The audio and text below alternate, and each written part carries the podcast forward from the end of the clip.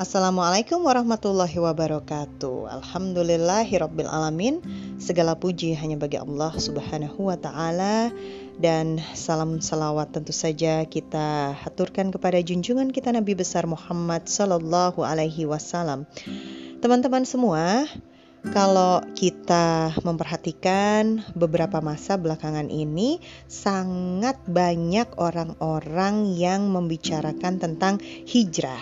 Hijrah itu adalah perubahan berubah dari sifat yang kurang baik menjadi baik, dari baik menjadi lebih baik lagi. Atau kalau di dalam makna uh, di dalam uh, kisah uh, Nabi, tentu saja hijrah ini juga terkait dengan perpindahan tempat.